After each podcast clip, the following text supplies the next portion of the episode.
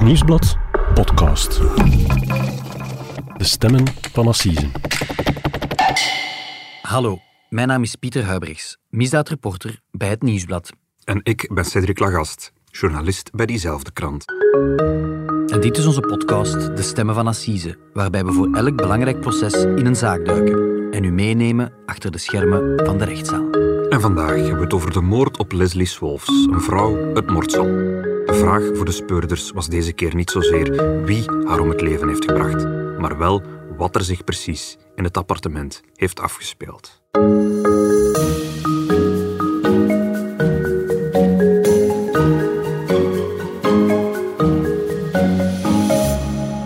Dag Cedric.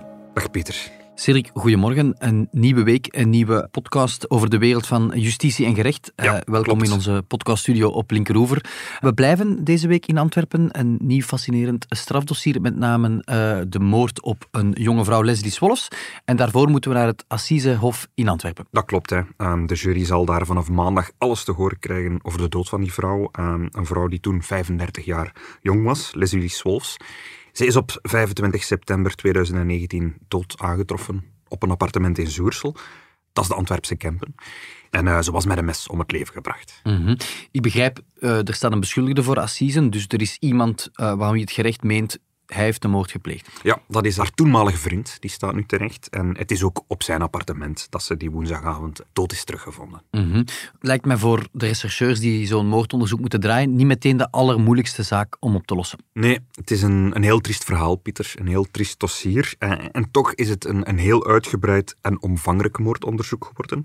Er is heel veel forensisch onderzoek gebeurd. Je weet, dat zijn die, eh, die mannen en vrouwen in witte pakken die altijd op, op, de, op de crime scene, op de plaatsdelict toekomen en die dan urenlang of soms zelfs dagenlang sporen verzamelen die op zoek gaan naar DNA, naar bloed, naar haartjes uh, en, en, zo meer. Denk maar aan de Amerikaanse tv-reeks CSI, daar gaat het hier over.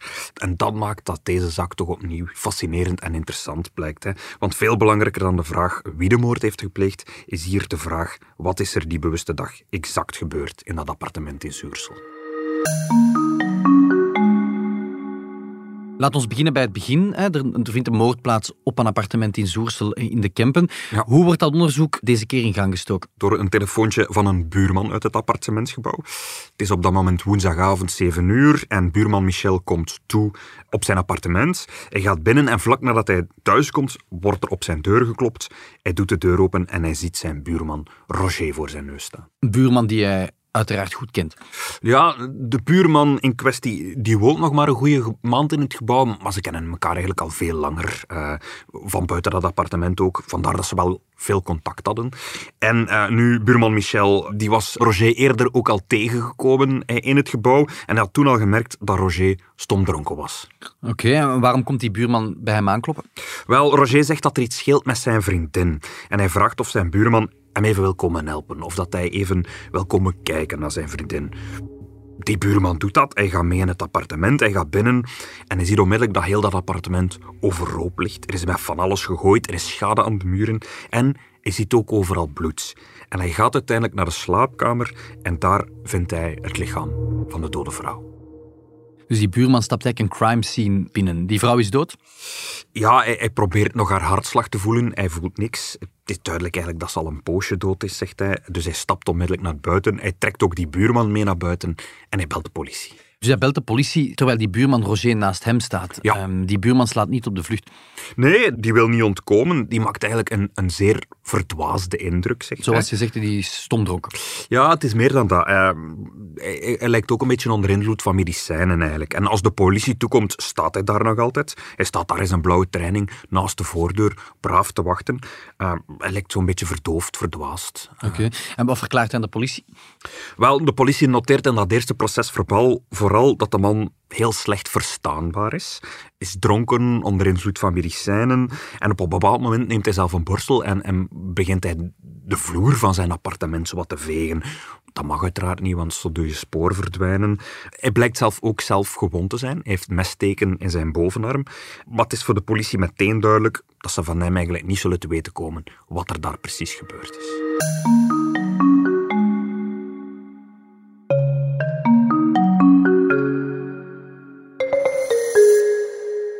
Cedric, je zei net dat hij van Turnhout afkomstig is. Dat is een eind van Zoersel. Hoe is hij daar terechtgekomen?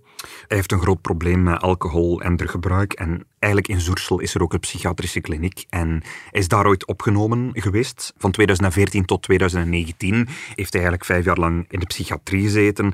En er was eigenlijk nog maar pas beslist een maand eerder dat hij de kliniek mocht verlaten en heeft gewoon een appartement gekregen eigenlijk. Dat werd voor hem geregeld. In Zoersel zelf, eigenlijk op minder dan een kilometer zelf van de kliniek. Ah ja, en werd hij nog begeleid dan op een of andere manier? Ja, absoluut. Oké. Sinds kort een appartement dus. Een nieuwe vriendin, Leslie Swolles. Hoe hebben die twee elkaar leren kennen? Want ik kan me voorstellen, iemand met zo'n chaotische levenswandel, dat is niet evident. Wel, in de psychiatrie. Zij was ook opgenomen in de, in de psychiatrische kliniek in Zoersel. Ze is afkomstig uit Morsel eigenlijk. En uh, ze komt al sinds haar jeugd ook met manische depressie, met een bipolaire stoornis. Ze was eigenlijk al sinds 2001 in en uit de kliniek in Zoersel. Uh, daar heeft ze Roger Slegers leren kennen. Het was een relatie met pieken en dalen, wordt gezegd. En er werd eigenlijk ook openlijk aan getwijfeld in de kliniek of, of de relatie voor hen beiden eigenlijk wel het beste was. Mm En dus die Roger Slegers die was ontslagen uit de kliniek, die woonde apart. Zij mhm. zat daar nog binnen. Mocht zij hem dan frequent bezoeken? Ja, um, volgens de buren kwam ze daar zelfs elke dag. Um, ze bleef daar soms zelfs slapen. Nochtans had Roger al volgens zijn buurman en vriend laten vallen dat hij eigenlijk beter met die relatie kon stoppen, want ze was jaloers, uh, agressief soms ook, en het hinderde hem een beetje bij zijn integratie in de samenleving, wordt dat gezegd. Hij, hij wou een stap vooruit zetten, hij wou zijn leven terug opnemen en hij had ook wel door dat die relatie misschien niet het allerbeste was voor hem. Dus als ik het goed begrijp, uh, Cedric zit je met Roger Slegers, hè, die wordt een maand voordien uit die psychiatrische kliniek ontslagen. Mm amper een maand later ligt er een vrouw die in die psychiatrie zit, uh, dood in zijn appartement. Ja, daar kan je je heel veel vragen bij stellen.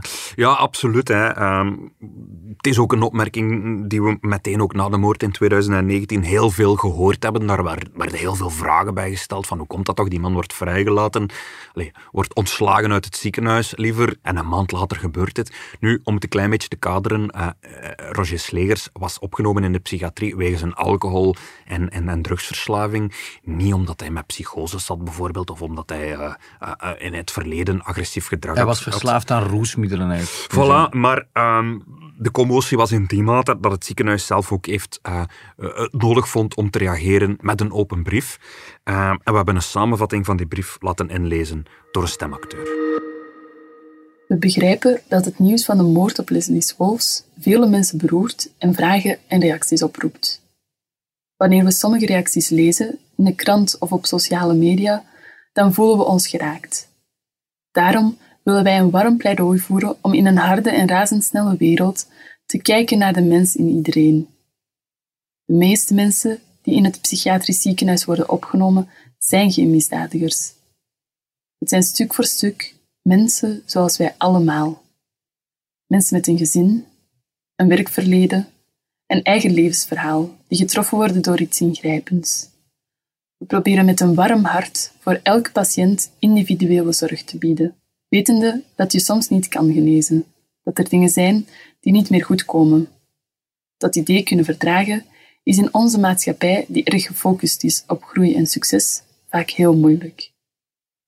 Wanneer mensen na een lang verblijf in de psychiatrie terug in de maatschappij gaan wonen, proberen we hen ook hierin te begeleiden.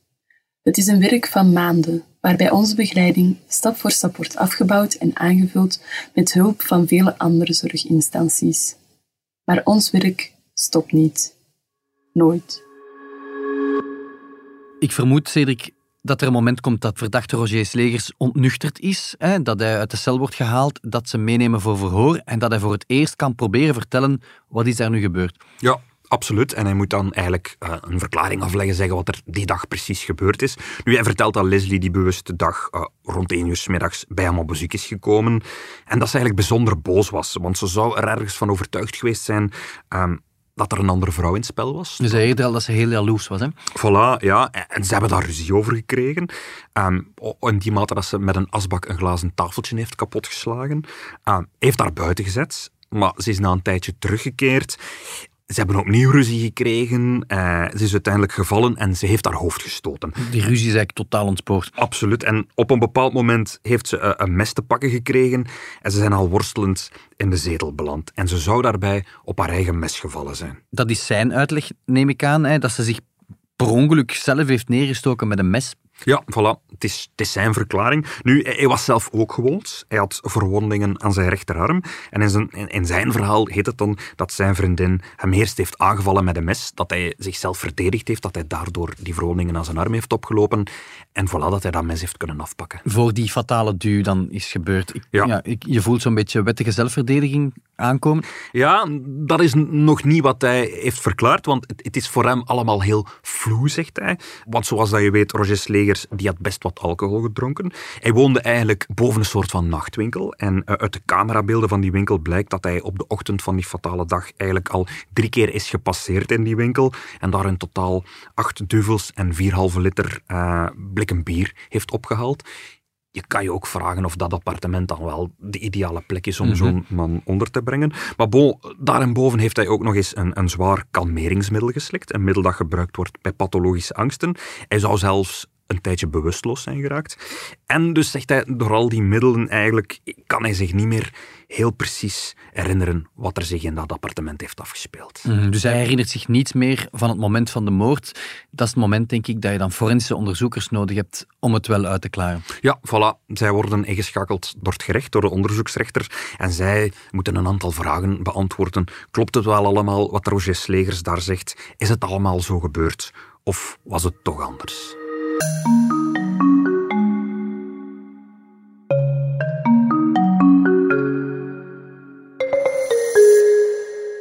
We zitten hier duidelijk met een heel warrig verhaal.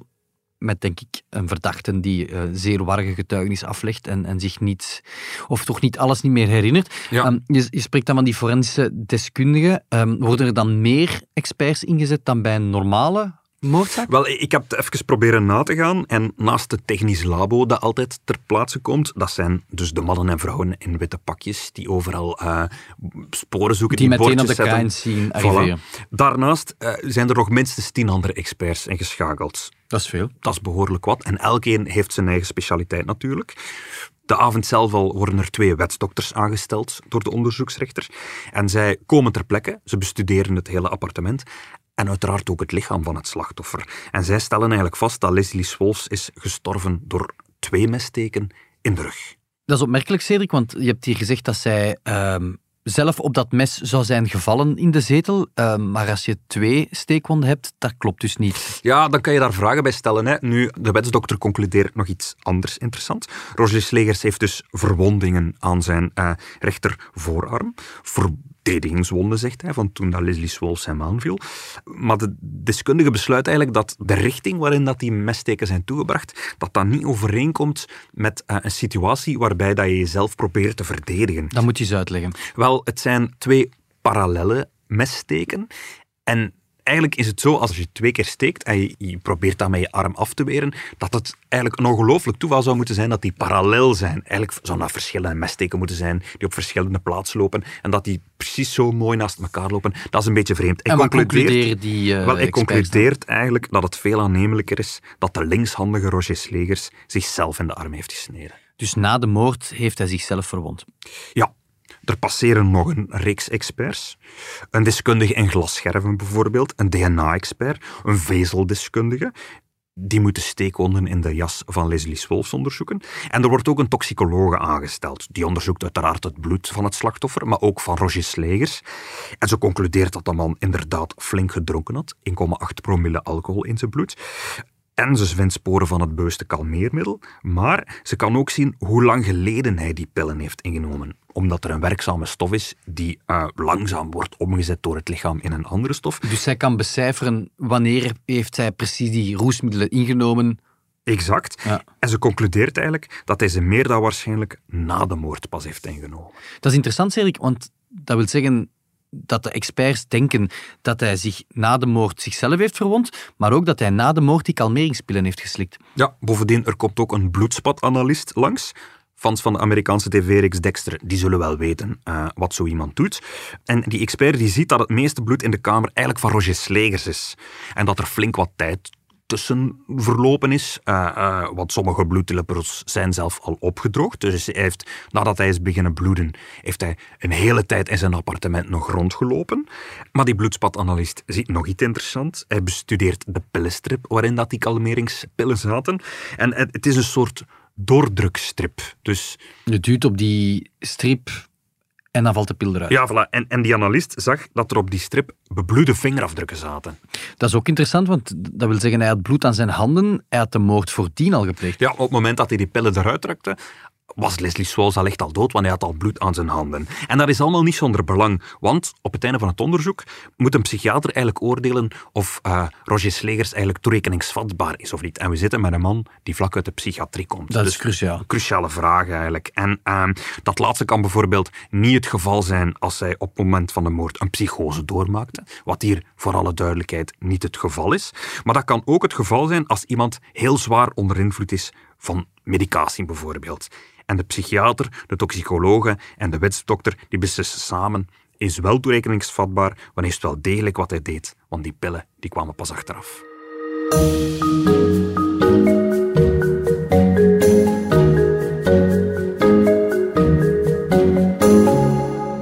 Dus Cedric, als ik het probeer te begrijpen, hè, die psychiaters die oordeelden dat Roger Slegers op het moment van de feiten toerekeningsvatbaar was. Dat is uh, opmerkelijk, want je zit met een psychiatrische patiënt, iemand die vijf jaar in een psychiatrisch ziekenhuis heeft gezeten, maar op het moment dat hij die moord, dat hij die feiten pleegt, is hij op een of andere manier wel bij zinnen. Klopt, maar we moeten hier meteen ook een misverstand de wereld uit helpen. Niet iedereen die in de psychiatrie zit, is daarom geestesziek of hoort stemmen of is psychotisch of zo. Um, uh, deze man zat in de psychiatrie wegens een alcohol- en drugsverslaving, omdat hij afhankelijk was van, van drugs.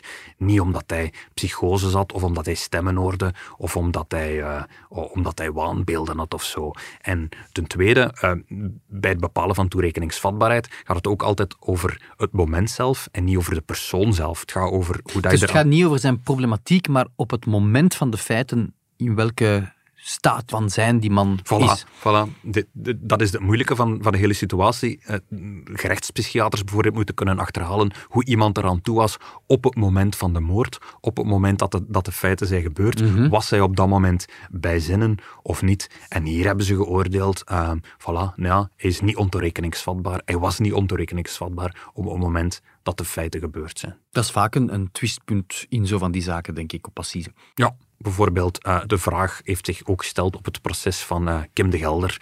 Was hij toerekeningsvatbaar of niet? Het is een heel lange discussie geweest, maar hij is uiteindelijk voor het Hof van Assise verschenen.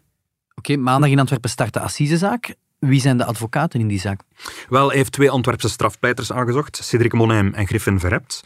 De eerste, Cedric Monheim, die kennen we nog uh, van het assiseproces over de moord in de Brede Rode Straat. Dat is de moord waar er nogal opzichtig op straat werd geschoten. Ja, voilà. Uh, hij pleitte daar voor een van de twee daders, voor de zoon, uh, samen met strafpleiter Johan John Mees. En heeft daar eigenlijk een vrij succesvol resultaat behaald, want de zoon werd vrijgesproken voor de moord zelf. Zijn vader werd veroordeeld voor de moord, de zoon niet.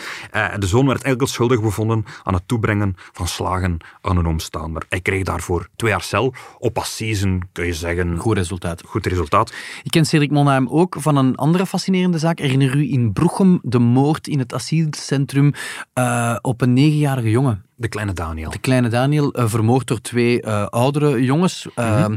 En hij is toen opgetreden als advocaat van een van die twee moordverdachten. Oké, okay. en voor zijn medepleiter, voor zijn confrater Griffin Verhept, is het zijn eerste assiseproces. Mm -hmm. De burgerlijke partijen dan? Wel, de familie van Leslie Swalls heeft Sanne de Klerk onder de arm genomen. Sanne de Klerk die trad onlangs uh, nog op als advocaat voor uh, Daniel Florojkic. Uh, die kennen we van het assiseproces over de moord op Leopoldine de Dekker. Dat was een van onze allereerste podcasts, denk ik. Mm -hmm. Florojkic is daar veroordeeld voor 28 jaar cel. En Sanne de Klerk is samen met hem naar cassatie gestapt om een nieuw proces te vragen. Maar ze hebben daar bakzeil gehaald. Mm -hmm. Wie is de openbaar aanklager in deze zaak? Dat is deze keer Sofia D. Ze is in december benoemd tot substituut-procureur-generaal. En ze was uh, binnen het Antwerps parket vroeger vooral referentiemagistraat intrafamiliaal geweld en, en tijdelijke huisverboden. Het is een beetje dezelfde thematiek, denk ik. Oké. Cedric, rest mij enkel nog u te bedanken om dat hier in onze podcaststudio op Linkeroever uh, te komen toelichten. Uh, we zitten met een heel trieste zaak, uh, denk ik. we gaan zien wat, er, wat het lot wordt voor Roger Slegers. we gaan die assisezaak natuurlijk volgen, denk ik, voor de krant, website. tegenwoordig zitten we ook op Instagram. De Stemmen van Assise kan je ook daar ons volgen. En we komen er in een volgende podcast uiteraard op terug. Oké. Dan zien we elkaar volgende week opnieuw terug voor een nieuwe aflevering. Dankjewel. Dit was De Stem van Assisen, een podcast van het Nieuwsblad. De stemmen waren deze week van Pieter Huibrechts en van mezelf, Cedric Lagast. De montage gebeurde door Benjamin Hertogs van House of Media en de productie was in goede handen bij Joni Keimolen en Bert Heijvaart.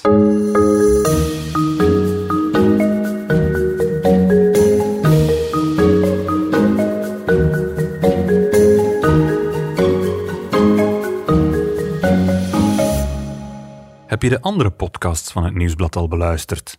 Seks verandert alles, Het punt van Van Impe, Vrolijke Vrekken, Shotcast en De koers is van ons.